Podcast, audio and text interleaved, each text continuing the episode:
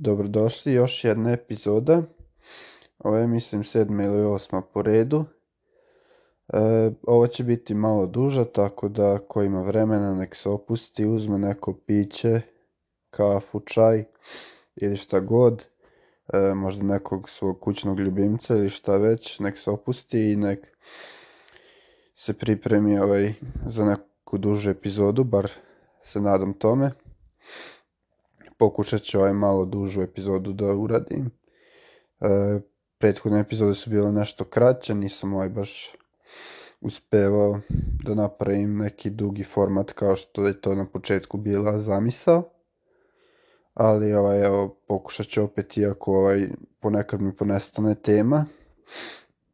Ili ponekad onako se izmorim, previše ulazeći u neke digresije i samo se zbunim, zbunim sebe, počnem ovaj da se gubim. Tako da nadam se da će ovaj put biti bolje, iako ništa nisam uradio ovaj povodom toga da bude bolje, samo se ovaj nadam da ću snagom volje eto uraditi bolje ili ne znam da ću uložiti još više truda. Imam nameru da stvarno bude duži format ovaj put. Našao sam ja slobodan dan posle nekog dužeg vremena da još jednu epizodu napravim. Ne znam da li će biti uspešna, nadam se da će biti najbolja epizoda do sada i najuspešnija epizoda. Prvo na početku šta bi, što još nisam ni toliko puno zalazio, je nešto bi rekao malo o sebi. E, ne znam da li to nekog interesuje, tako da neću dužiti, ali ipak ću par stvari reći o tome da se zna otprilike ko sam i kakav sam ili takve neke stvari. Malo sam i prehlađen. Nije strašno. Samo eto, malo mi je glas drugačiji, možda zbog te prehlade i nos isto mučim se s njim. Ali bit će ovaj i dalje nema izgovora. Moram ovo da uradim, želim ovo da uradim. Želim da uradim ovo dobro i da bude nešto od ovoga što mogu ja da poslušam u nekoj dalekoj budućnosti i verovatno da se osvrnem na to koliko sam bio glup.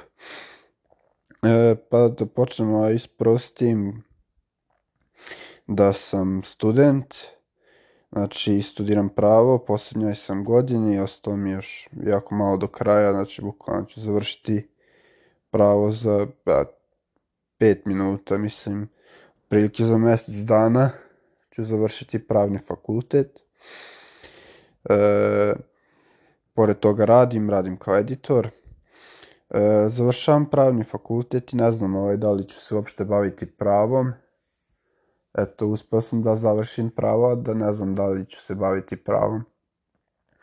Živim u Srbiji, tako da bavljenje pravom je ograničen sam na teritoriju Balkana zbog jezika i ja bi možda i dodam iz Srbije, nisam još siguran, ali ni, toliko i nisam siguran da li želim i bilo kojim stvarima da se bavim u ovoj državi i veoma je ovaj teško bilo čime se baviti u ovoj državi što je nekako čime bi se osjećao dobro i zadovoljno.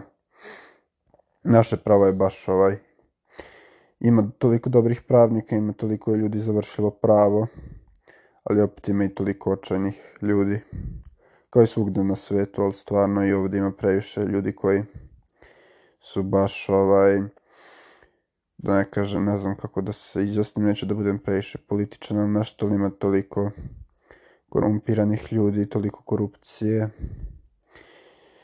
Tako da ne znam da li bi se bavio pravom u budućnosti, čak i sad kad završim ili nečem bilo sličnim. Zapravo mi je pravo drago, volim, volim, sviđa mi se pravo kao, kao, kao ne znam, kao nauka i sve. Samo mi se ne sviđa naše pravo, znači naše državno pravo i naša praksa otprilike mi nije toliko zanimljiva, ne znam da li bi još u naš sistem negde. Tako da, Što se tiče posla, radim ovaj za kompjuterom ceo dan, možda sam već to spomenuo. Mislim, nije ceo dan, pola dana. Nadam se ovaj da ću na, naći neki drugi posao u budućnosti. Iako za sada ovaj, totalno ono solidan posao, ništa ne radim na njemu, tako bi se moglo reći za većinu ljudi na ovom poslu gde sam. Većina ljudi radi neko ovaj pola radnog vremena, drugog pola radnog vremena odmara ili uglavnom dosta ljudi koji ovaj koriste sistem, koriste posao i koji ne vole da rade i samo iskorišćavaju firmu. I to ga ima isto dosta u Srbiji, mislim da ako te ne ceni firma, ne, ne treba ni ti da nešto preterano se ubijaš, da pokažeš neko, neko cenjenje ili neki respekt za firmu, ne treba, ako ti oni ne pokazuju poštovanje, ne, neću ni ja pokazivati njima poštovanje, radit ću ovaj koliko moram, neću ništa više raditi, ako dobijem unapređenje, dobit ću ga zato što sam radio više malo nego što sam inače radio, a inače radim previše. I ovo što radim je previše zato što ni to ne zaslužuje ova firma. Neću da blatim firmu, tu sam među dugo vremena. I veoma mi je prijatno i veoma je lagan posao, ali mislim da ovaj otkri, da je to problem zato što čim ti je prijatno na poslu znaš da to nije pravi posao, da ne treba ti na poslu biti, ne treba ti posao biti najlakši deo dana, ne treba da ti na poslu lako, mislim nije mi lako, posao je dosadan, smarački sve, ali nije težak u smislu da se ovaj nešto da je naporno što moram da budem tamo na poslu i da ga radim, nije ovaj težak sam posao, sam rad. Nije, ne predstavlja nikakvi izazov, tako da to je eto, neki problem, ne trebam se ovaj navikavati na komfort, nego na, da mi je sve udobno, treba izaći iz zone te komfora. Onda to sam, eto, znači, to je neka moja karijera, da tako kažem. Još čime se, što radim je treniram, u, idem u teretanu, to je jedini ovaj trening koji, sport kojim se bavim, ako se može tako reći. Bavio sam se pre mnogim sportovima. Išao sam na boks, kickboks. Prvi sport mi je bio tenis, onda sam bio na plivanju, na futbalu, košarka, odbojka, najduže stoni tenis, mislim da sam bio dve i po godine stono teniser. Stoni tenis je bio veoma zanimljiv. Samo i to posle nekog vremena mi je dosadilo i samo sam teo da nađem nešto drugo. Dosta dugo sam bio i na boksu. Boksom sam se bavio isto možda dve godine, možda malo manje, tako da tu je negde. I da, dobio sam ponekad batina i to je jedan razlog zašto nisam nastavio posle nekih povreda, samo nisam imao snagi da se vratim. To je vratio sam se posle nekih povreda, onda sam se razbolao i tako, ne znam. Posle neki ljudi su otišli odatle s kojima sam bio na treningu, samo sam izgubio motivaciju i odustao sam i od toga, što mi je malo žao. Ali šta je, tu je. Odustao sam od mnogih sportova zato što su mi dosadili. Ne mogu to sad ovaj da promenim, ali eto sad treniram skoro svaki dan u teretani tako da nije da sam fizički neaktivan i veoma sam ovaj strastven u vezi treniranja i u vezi toga da se bude što više aktivan jer sedim ceo dan, na po, to jest ne baš ceo dan, ali ono pola dana na poslu sedim, tako da posle toga možeš biti aktivan, ne možeš doći kući i posle celog dana sedenja sedeti opet ili ležati posle celog dana gledanja u ekran, opet gledati u ekran, iako je telefon i ostali, naravno, televizor i idiotska kutija. E, veoma su ovaj, zanimljivi, ali ne treba ovaj se odmah posle jednog ekrana zadubiti u drugi ekran. Tako da sad u poslednje vreme dosta više pred spavanje čitam nego što koristim telefon. Čak ni ne čitam na telefonu zbog te plave svetlosti i ima istraživanja koja su pokazi, pokazala da e, plava svetlost sa ekrana utiče loše na na količinu dopamina, to je znači hormon sreće, tako da bukvalno nas ta gledanje u ekran uveče pred spavanje u 11-12 nas čini manje srećnim, znači manje zadovoljnim, tako da to sam promenio i vidim odmah vidim neku ovu razliku vidim čim sam počeo manje da koristim telefon i drugi uređaje.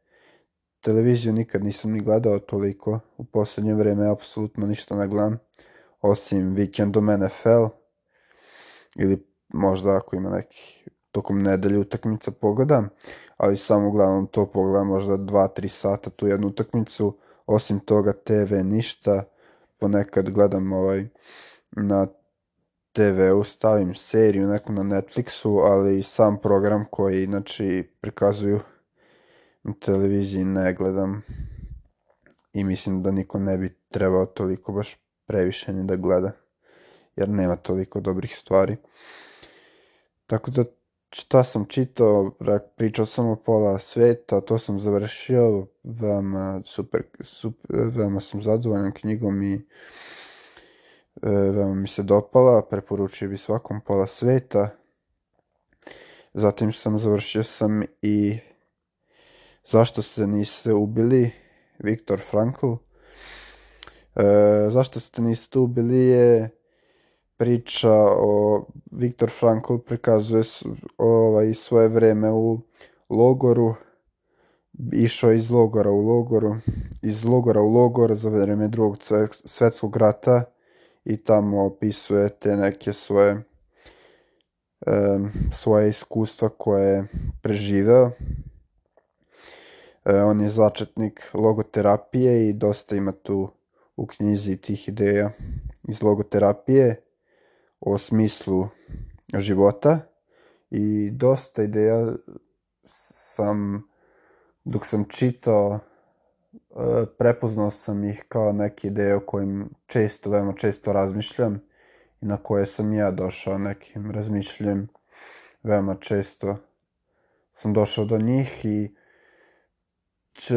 uglavnom e, o čemu se radi o logoterapiji radi se o tome da je smisao ta najbitnija stvar za svakog čoveka, smisao života.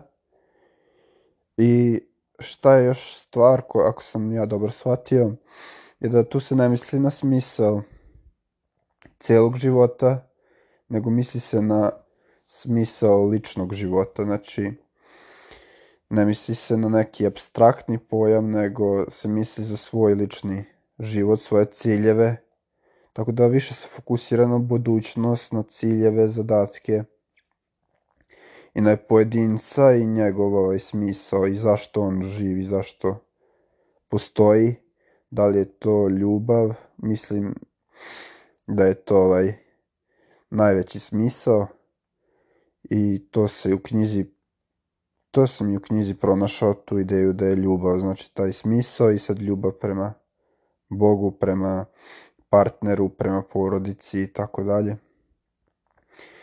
E, takođe šta je bilo veoma zanimljivo je ta egzistencija i vakum, vakum egzistencije koji je spominjao.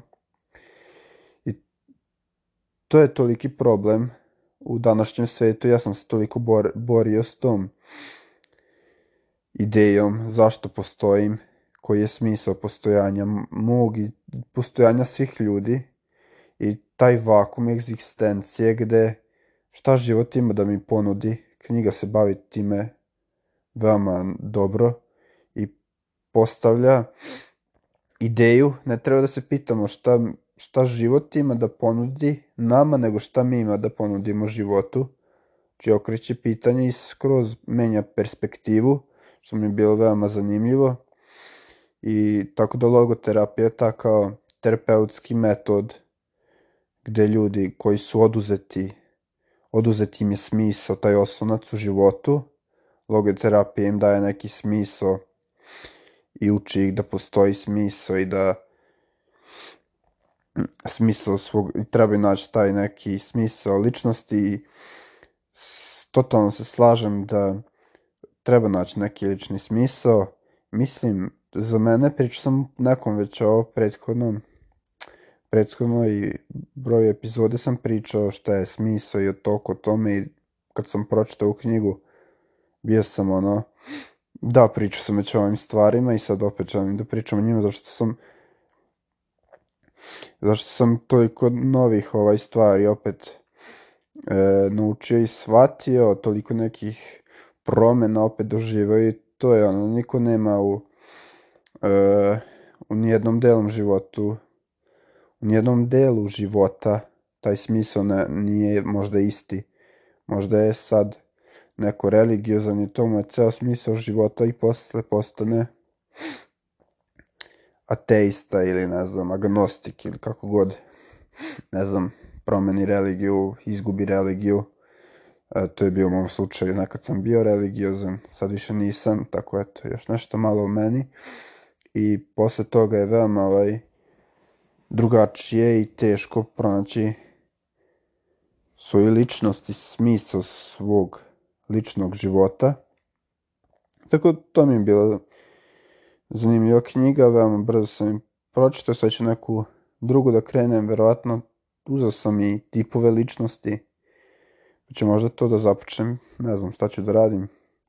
Takođe sam mangu uzeo dobru, pronašao sam je u Beogradu, uh, Sign of Affection, prva tri dela sam pročitao, manga je od devojci koja ima 19 godina i man, manga je romansa, poznat cool e, lika koji ima 22 godine voli da putuje i uglavnom likuša likuša, e, njen lik Yuki e, se zove, e, ona je gluhonema i komunicira znači pomoću znakovnog jezika i to je veoma ovaj, interesantno u mangi predstavljeno, tako da veoma mi sviđa.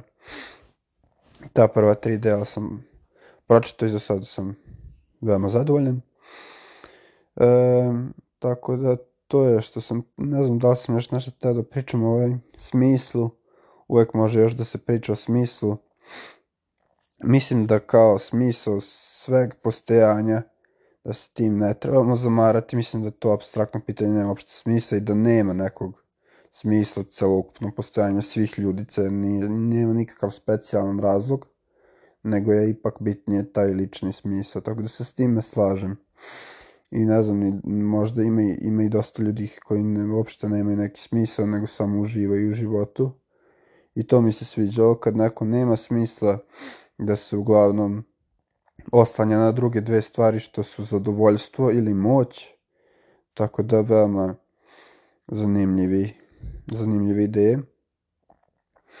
I šta sam još teo da pričam je o, to, toj ideji ide ljubav, najveća smisla jer ja se slažem s tim.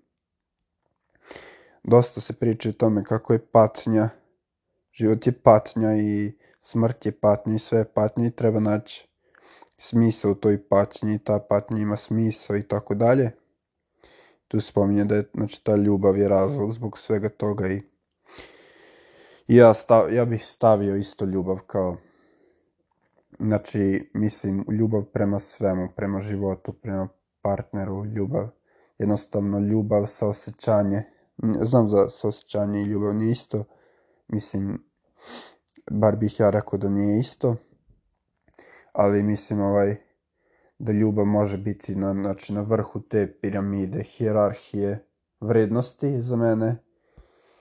I mislim da dosta ljudi, i za dosta drugih ljudi je ljubav najbitnija. Ne znam, dos, ima i dosta ljudi koji misle moć, na primer, i naj, im je najbitnija, iako iako možda kažu ljubav mi je najbitnija, iznad nje ipak stave moć ili lično zadovoljstvo i takve stvari što je naravno alternativa koja za mene lično nije rešenje, ali ipak e, znam da postoje i te eto, mogućnosti da se i to kao nađe smisao što ne znam, ne znam kako funkcioniš, iako sam nekada i sam pada u zamku, tako da ako život nema smisla, zašto samo ne bi uživao, zašto ne bi bio zadovoljan i radio šta god poželim i šta god me čini srećnim. To nije, mislim da to nije rešenje. I mislim da spominje se u knjizi još i odgovornost. I kad sam to pročitao, znači bio sam toliko srećan što sam to pročitao jer to sam hteo da da shvatim tu ideju da je odgovornost veoma bitna i onda se u knjizi to još razrađivalo, ta odgovornost kao veoma, ve, veoma bitna osobina. I to mi je bilo drago što e, moje misli koje nisu bile toliko još razrađeni, još nisam uspio toliko da shvatim šta je to odgovornost, što je neko to drugi vokalizovao način na koji je lako razumljivo i na način na koji ima smisla. Tako da bilo mi je veoma ovaj, drago kad sam to pročitao i veoma sam ovaj, u poslednje vreme poboljšao se na mnoge načine i ima ovaj zanimljiv zanimljiv pogled da samo poboljšavanje zbog poboljšavanja ne može biti smisao. Znači ne možeš samo ovaj, se poboljšavati i misliti da ćeš tako biti srećan. Mislim da je poboljšavanje sebe e, pojava koja je kao šta je poboljšavanje sebe? Znači to je nus pojava svojih ciljeva i svoje tog sna, smisla, svega, tako da nadam se da to ima smisla. Onda šta sam još te odgovornosti? Odgovornost sam pričao slobodi i odgovornosti, da je zapravo sloboda odgovornost, sad ima tu i da je smisao odgovornost, tako da da ta odgovornost, ideja odgovornosti me veoma privlači, ne znam. Ka, ja sam ovaj, nekad sam bio veoma neodgovoran i od kad sam postao disciplinovaniji, od kad sam postao odgovorniji, vidim promenu na bolje i više, više, više ovaj, pozitivnih stvari mi se dešava u životu i mislim da bi svako trebao ovaj, da pronađe tu odgovornost neku. E, šta bih još rekao o sebi i o mom životu? Pa nešto možda o mom karakteru da sam e, ne znam da li će ovo začuditi bilo koju osobu, ali egocentričan malo, sebičan, arogantan, ne znam da li malo ili puno, možda narcis malo. Imam ovaj dosta negativnih osobina i mana koje sam prepoznao kod sebe, iako ponekad sam previše grub prema sebi. I dalje mislim da imam malo veći ego, malo da sam arogantan i takve neke baš loše karakterne osobine na kojim pokušavam da radim, ali veoma je teško, veoma je teško promeniti se na toliko dubokom nivou. E, ali uspio sam da promenim neke druge stvari isto koje sam primetio, znači i o tome sam isto već malo pričao, da sam prestao da konzumiram alkohol. Znači, to je jedna velika ova promena kojom sam veoma srećan. Još nešto, meni neki moji hobi, imao sam puno hobija isto. Mislim da imam taj neki poremećaj pažnje, iako ne znam, ne, ispričao sam da to mislim da nije baš poremećaj i sve tako, sam ovaj, moj um radi ovaj, na sto strana i ne mislim da je poremećaj, mislim da je dobro što mi radi mozak na sto strana i mislim da je pozitivno što nisam fokusiran samo jednu stvar. I ne mislim da je još problem zato što mogu da se fokusiram dovoljno na neku stvar da rešim problem. Mogu dovoljno dugo da se fokusiram da da rešim to što moram da rešim, ili da uradim to što moram da uradim, tako da zato mislim da nije poremećaj pažnje, ali mislim da mi je pažnja na previše stvari.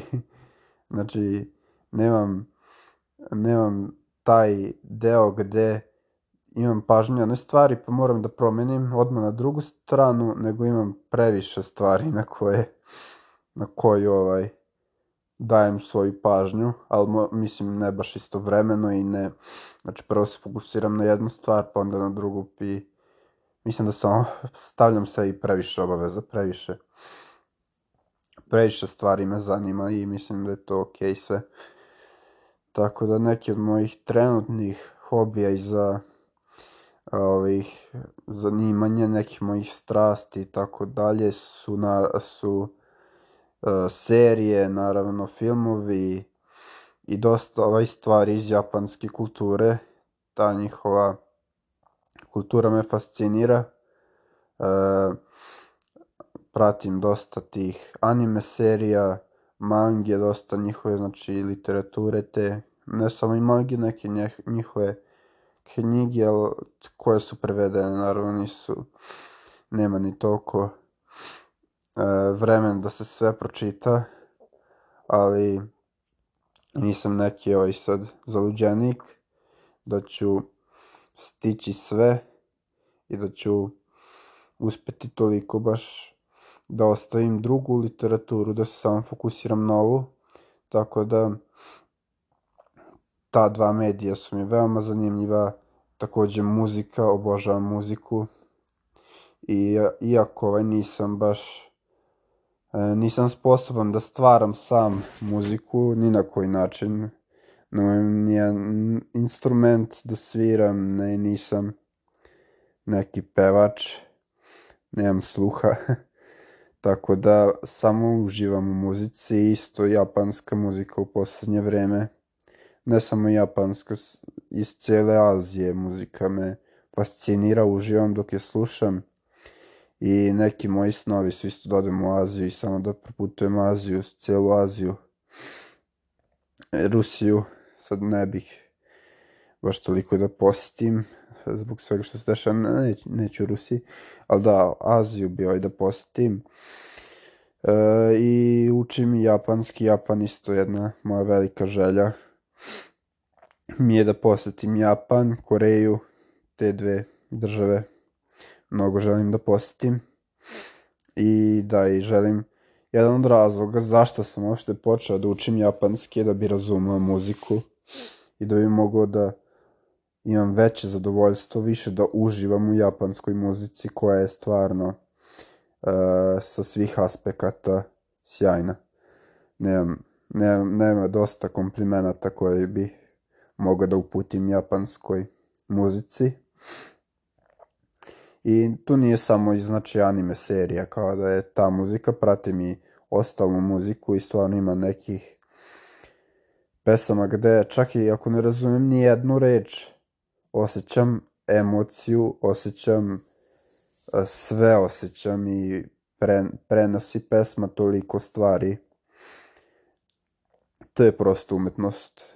Kad preno, prenese tolike emocije i osjećanja bez jedne razumene reči. To mi je nešto stvarno nesvatljivo i to, to je jedno čudo života, eto. To, je, to bi isto mogao biti smisao života, lepota, to nešto neobjašnjiva lepota, ta neka, ne, ne znam kako da je opišem, divine, neka ova uzvišena lepota, ne znam, ne mogu, ne mogu ni pronaći neku pravu le, reč e, za taj osjećaj divljenja i strahopoštovanja koji ponekad osjećamo prema nekim stvarima, prirodi, umetnosti i tako dalje. E, to je nešto u mom životu, ne znam da li još neke hobije bi naveo, koliko je trening hobi, to sam već spomenuo isto. E, pre sam bio dosta zaluđen ovim kartama i igrama s kartama. E, šah mi je isto hobi, eto i poker mi je bio hobi, ali nisam toliko posvetio uopšte pokeru i to mi je zanimljivo, pričao sam i to s jednim prijateljem, on se bavi pokerom, ozbiljno, baš profesionalni igrač i s njim sam pričao o tome, o etičkoj strani pokera i tome što možda je on dobar i igra protiv nekog ko nije toliko dobar i ta strana etička, moralna, da li utiče na njega.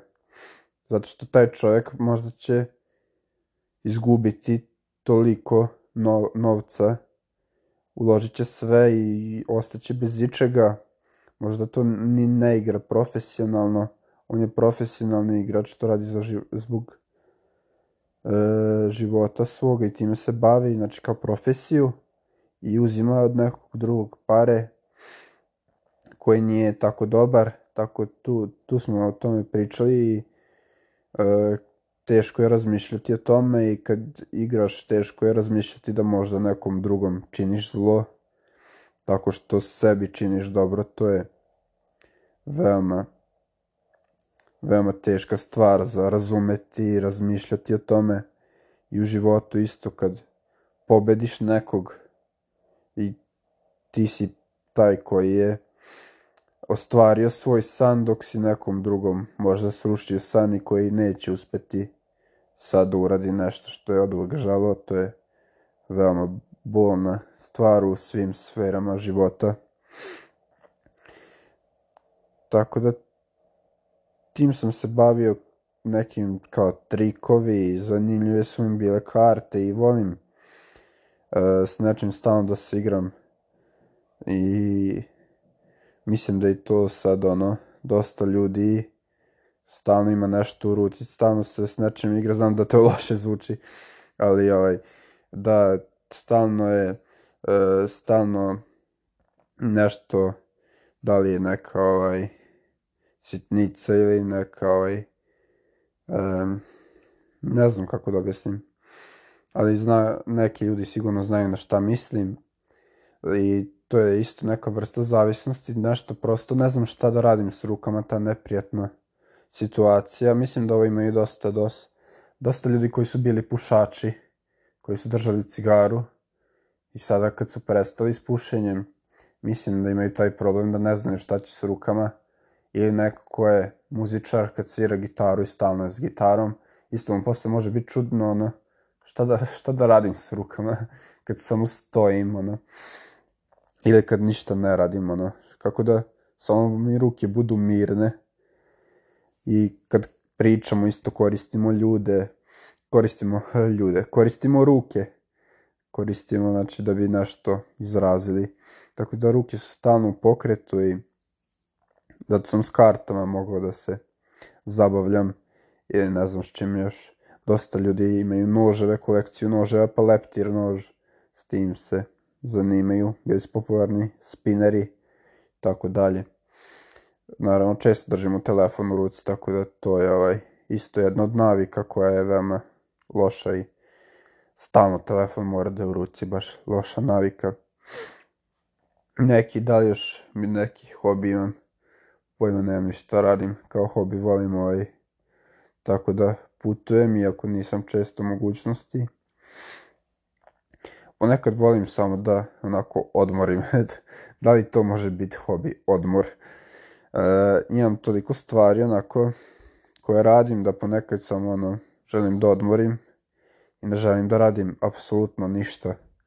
Tako da ne znam da li hobi može da bude rađenje ničega. Pokušao sam ovaj, to nije hobi, to je više praksa, da se tako kaže, neka meditacija zato što imam problema s besom, ponekad sa stresom, ali uglavnom bes. I taj bes, ljutnja na glupost, na ne znam, stvari koje mi nisu jasne i logičke, e, rađa se taj bes u meni. Ja ponekad radim stvari koje nisu uopšte logične i tako dalje, ali ponekad kad vidim druge ljude ili kad vidim samo neku stvar koja nije logična i koja nema smisla, to budi bes u meni, neki, neku ljutnju. Tako da sam pokušao da meditiram i na, znači na neverovatno čudo, nisam primetio nikakve rezultate, osim da sam postao još više besan. da pokušao sam neke aplikacije i ono, tamo sam ušao u neko stanje mira i onda bi taj koji navodi meditaciju počeo da priča i me prvo uplašio taj glas, zato što je bila potpuno tišina i bio sam fokusiran. Uplašio bi me taj glas, trgo bi se, onda bi se naljutio i bi se iznervirao. I joj, samo me još ta meditacija više iznervirala. Treba pustiti misli kao oblake. Ja sam onako, kako da pustim misli kao oblake, samo se iznerviram na sebe. Da mislim da to često pojava i mm, pokušat ću da radim meditaciju bez aplikacije, zašto sama aplikacija me nervira izaziva mi stres. Tako da to ne znam, da li je normalno, da li je, da li je moguće uopšte da te iznervira stvar koja treba da te opusti. E, još jedna stvar koja mi je zanimljiva, koju bih rekao par reči je ta koja se, ta stvar se javlja u japanskoj kulturi, to je ta neka saosećajnost i briga o drugim ljudima i o okolini koja mi je toliko impresivna i koliko obožavam tu. Taj njihov mentalitet obožavam saosećajnost briga o okolini uh, bitne stvari za druge ljude i olakš, olakšavanje života drugim ljudima.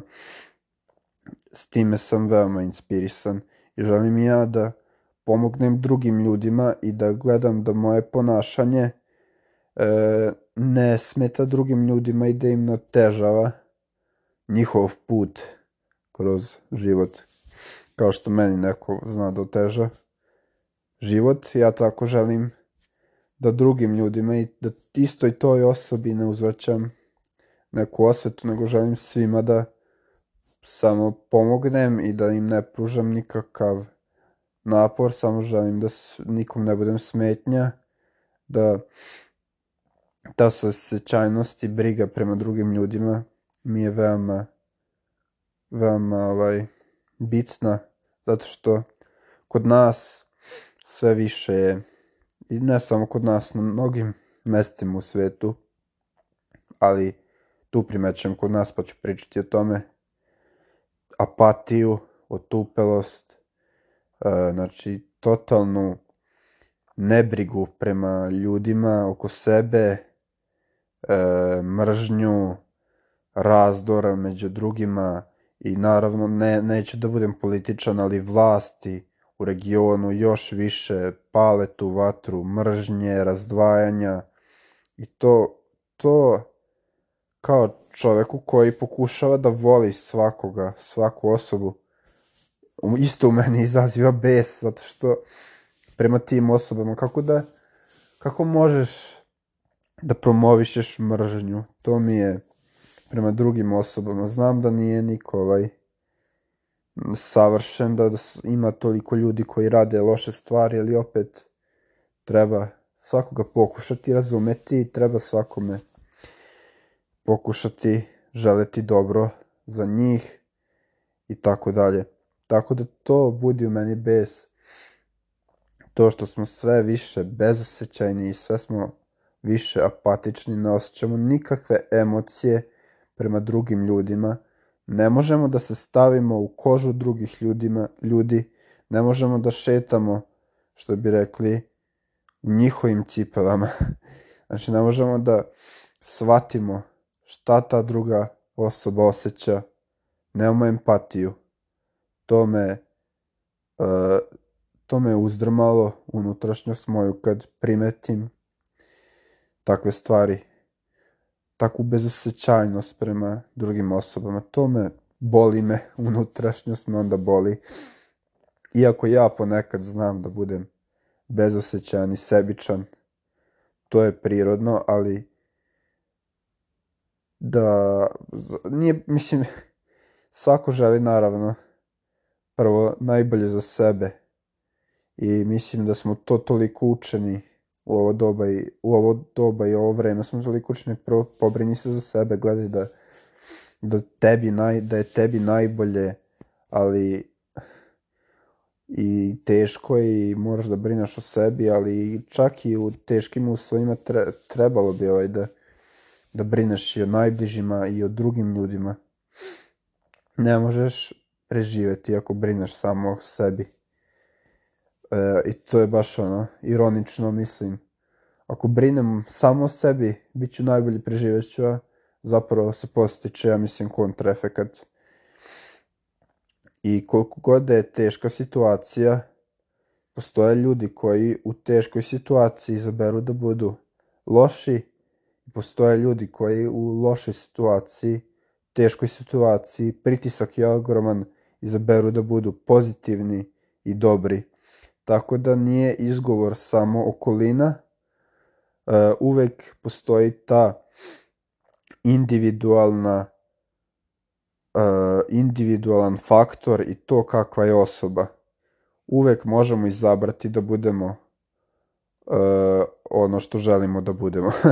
da tako kažem. Uvek možemo izabrati da budemo dobri, uvek možemo izabrati da budemo loši.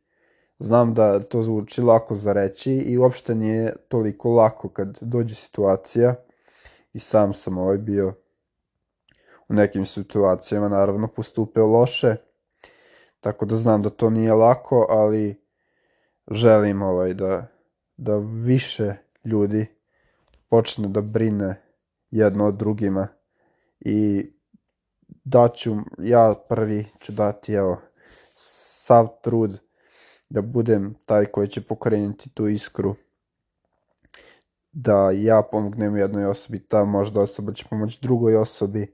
Nadam se da će lanac da se stvori iz toga i da će ljudi početi da budu dobri i saosećajni, da će početi, početi da budu razumni prema drugim ljudima, iako je jako teško ponekad, trebamo pokušati i mislim da je pogrešno e, razmišljenje da ja ništa ne mogu da uradim. E, uvek postoji ta sumnja i čak i dok izgovaram, ja ću biti taj koji će započeti neku promenu, onako znam da u podsvesti postoji sumnja.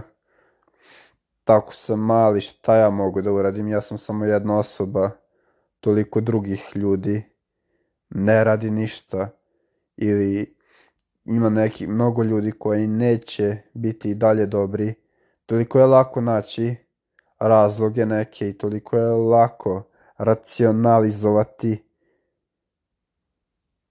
i doći do razloga da ne budem dobar. A nema razloga da ne pokušam da budem dobar i možda baš uspem u tome i mislim da mo, trebam, trebam da izgubim tu sumnju i treba da verujem da mogu da donesem promenu da može od jednog od jedne osobe, čak ako nas je previše, treba, treba da steknem to samopouzdanje nekako i mnogi ljudi treba da steknu samopouzdanje, samopouzdanje u sebe da naprave promenu. Jednostavno, sad je u svetu e, cilj je da se bukvalno besmisli svaki, svaka osoba, da svi postanemo isti, da svi dijelimo ista mišljenja, da svi budemo isti i da niko ne može da načini promenu. Svi se otupljujemo, svi postajemo primorani na neke stvari. To ovaj, izaziva opet besu, meni toliko stvari me frustrira u tu gde se nalazim, u svetu, svugde, svašta, može se naći milion stvari koje, koje su loše, ali opet pokušat ću se i fokusirati na dobro da ipak dobri ljudi uvek postoje svugde.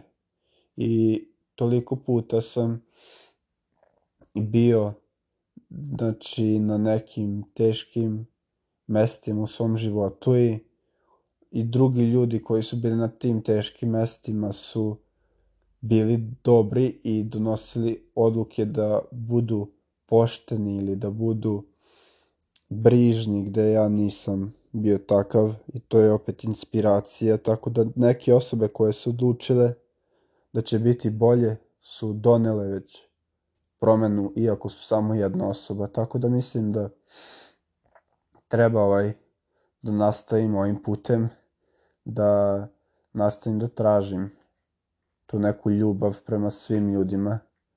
Znam ovaj, da je ponekad najlakše generalizovati i reći svi ljudi su ovo, svi muškarci su ovo, sve žene su ovo, ne znam, svi radnici ovde su ovo, svi koji e, misle ovo su nešto, ne znam, znači, lako je generalizovati i reći svi ovi ljudi, sva ova grupa ljudi su loši, su negativni. To je veoma lako, a zapravo smo, svi smo, in, smo svi smo samo jedna osoba koja je različita od svake druge osobe i svi imaju različita mišljenja, ceo život im je različit od svih ljudi na celoj zemlji, niko nema isti život, niko nije doživeo sve iste stvari u celom životu, mislim, niko nije u celom svom životu imao isti život kao neka druga osoba. Niko nije imao iste razgovore ceo život, tako da svi smo različiti i to je što je sjajno i neverovatno vezi života, da je svačiji život bitan i da smo svi specifični i svi možemo nešto da postignemo. Tako da ne znam da li bi završio još, ali definitivno bi tu pozitivnu poruku naglasio da možemo ovaj svi da uradimo nešto i da smo svi ovaj dostojni ovog života i da svi svi svi imamo neki smisao. To, eto, možda tu da završim. E, svi imamo neki smisao ličan. Niko ne treba ovaj da bude e, obesmišljen, niko ne treba da izgubi svaki smisao života. Treba da imamo neki ovaj oslonac i to je to možda ljubav, možda nešto drugo. Ne znam šta bi još ovaj rekao, opet sam dosta ovaj neke abstraktne ideje, s njima sam učio, borio. Možda je mnogo lakše ovaj pričat samo o Twitteru i onda reći je, mislim da ovaj Elon Musk ovo ili Elon Musk ono, možda je lakše samo ovaj vređati i davati neko mišljenje o nekim stvarima koje toliko ni ne utiču na stvari. Možda, pa dobro, sad Twitter utiče na dosta ljudi i sve, ajde. Neću na ništa ovaj da... Neću da smanjujem bitnost toga i neću da smanjujem bitnost društvenih mreža ali da, veoma je ovaj, ne znam zašto uopšte sam došao na teme ove na koje sam došao. Ne znam uopšte da li će ovaj razgovor iko poslušati, to jest ovu emisiju. Možda baš ova emisija bude e, imala nula pregleda, nula slušanja. I onda da li sam samo izgubio sve ovo vreme ta ovaj misao isto proganja. Da li je sve uzalud? Ta misao je samo wow, toliko ovaj strašna pomisao, mislim, za svakog čoveka. Da li je sve uzalud? E, I trebam, ja trebaju i svi verovati da nije sve uzalud i da sve vodi ka nečemu Nisam neko ko veruje u sudbinu. Verujem samo da sve ima smisla i neku logiku i da verujem da sve ima smisla i neku logiku. Da li to ima smisla, sad sam upravo rekao. to je dobro pitanje. Ne, ne mislim da je sve znači, već određeno i da je sve već, da će sve biti neki način kako mora biti, mislim da može, može da bude milion različitih opcija može da se desi, tako da može da se desi da ima nula slušanja, može da i neko poslušao, može biti opcija, tako da ništa nije uzalud. To želim da kažem, valjda. Želim da kažem da ništa nije uzalud i da stvari koje se rade iz ljubavi imaju smisla i stvarno nije gubljenje vremena kad nešto osjećaš da je ispravno i osjećaš da želiš to kad to radiš sa ljubavlju kad uložiš sebe u to mislim da to mora biti uspešno možda taj uspeh nije definisan kod svih ljudi na isti način možda neko misli ako snimi neku epizodu ili ako nešto neku uradi, neki uspeh uradi, da je uspeh taj jedna stvar, a taj uspeh može biti nešto totalno drugo za tu osobu koja je to postigla. Možda može biti neki video imati hiljadu pregleda i to biti uspeh, a možda je uspeh za nekoga samo što je napravio taj video. Tako da, e, to što želim da kažem, uspeh je drugačije, ljudi mogu posmatrati uspeh i više stvari može biti istina u isto vreme. Može biti sam uspeh što je uopšte, što sam uspeo da snimim epizodu, a može biti onda uspeh što je neko poslušao. Tako da može biti i više uspeha. Može biti naravno i više ovaj, kako da kažem, padova. Može biti i više grešaka, ali uspeh će biti ako iz te greške naučim. Tako da još jedan način da se posmatra. Jedna stvar na drugačiji način. I ne znam zašto sam ušao i u ovu temu, ali to je ono što radim izgleda. I neću ovaj da previše preispitujem zašto. Bitno je eto da, jes, da sam to uradio. I još šta bih rekao, mislim da je Nietzsche iz knjige Zašto ste niste ubili od Viktor Frankla, još bih spomenuo. Mislim da je Nietzsche, nisam siguran. Iako sam bukvalno juče to pročitao. I zapisao sam negde, zašto mi je bilo veoma bitno. Možda sam i zaboravio, sad ću pokušati da se prisjetim. Kad znate zašto živite, možete da uglavnom podnesete, možete da podnesete svako kako živite. Kad znate zašto živite, možete da podnesete svako kako. Tako da to mi je bilo, kad znam zašto, treba da nađem razlog. I još jedna stvar koju ja želim da kažem i nije, ne znam, toliko možda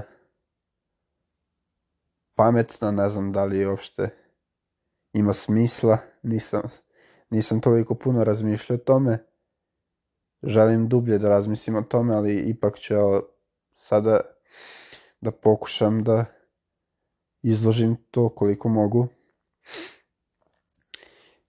U redu je, iako trenutno ne znamo zašto živimo, u redu je ako smo trenutno izgubljeni, u redu je ako trenutno nemamo smisao, u redu je ako trenutno mislimo da ništa nema smisla i to je u redu.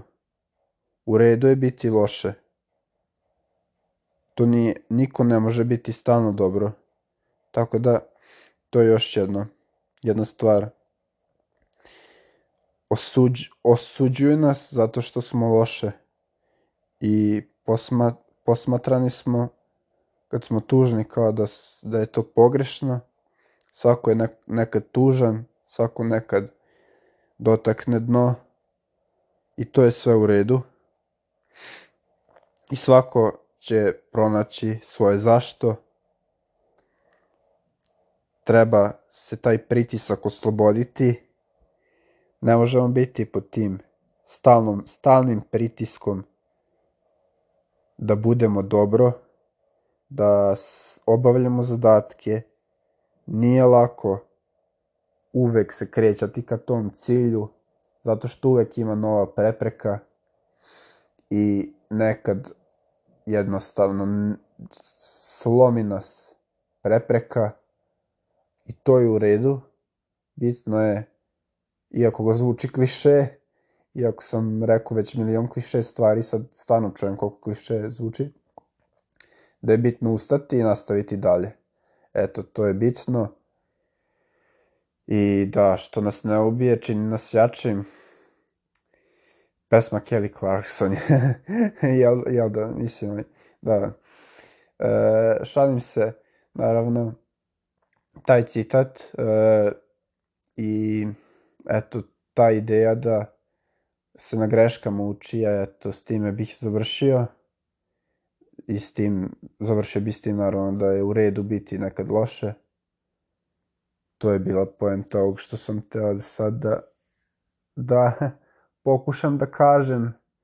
Nadam se da sam smisleno to izložio. Da sam smisleno, da sam došao do zaključka dobrog i da sam taj zaključak dobro predstavio. I eto, to bi bilo to. Nadam se da će neko nešto izvući korisno iz ovog podcasta ili emisije, kako god. Nije bitno šta, da li nešto izvuče što i nisam hteo da kažem. Bitno je doći na svoje ideje i ako se ne slaže neko, samo je i ovo mu pomogne samo da uh, shvati zašto se ne slaže s moje, sa nekim stvarima.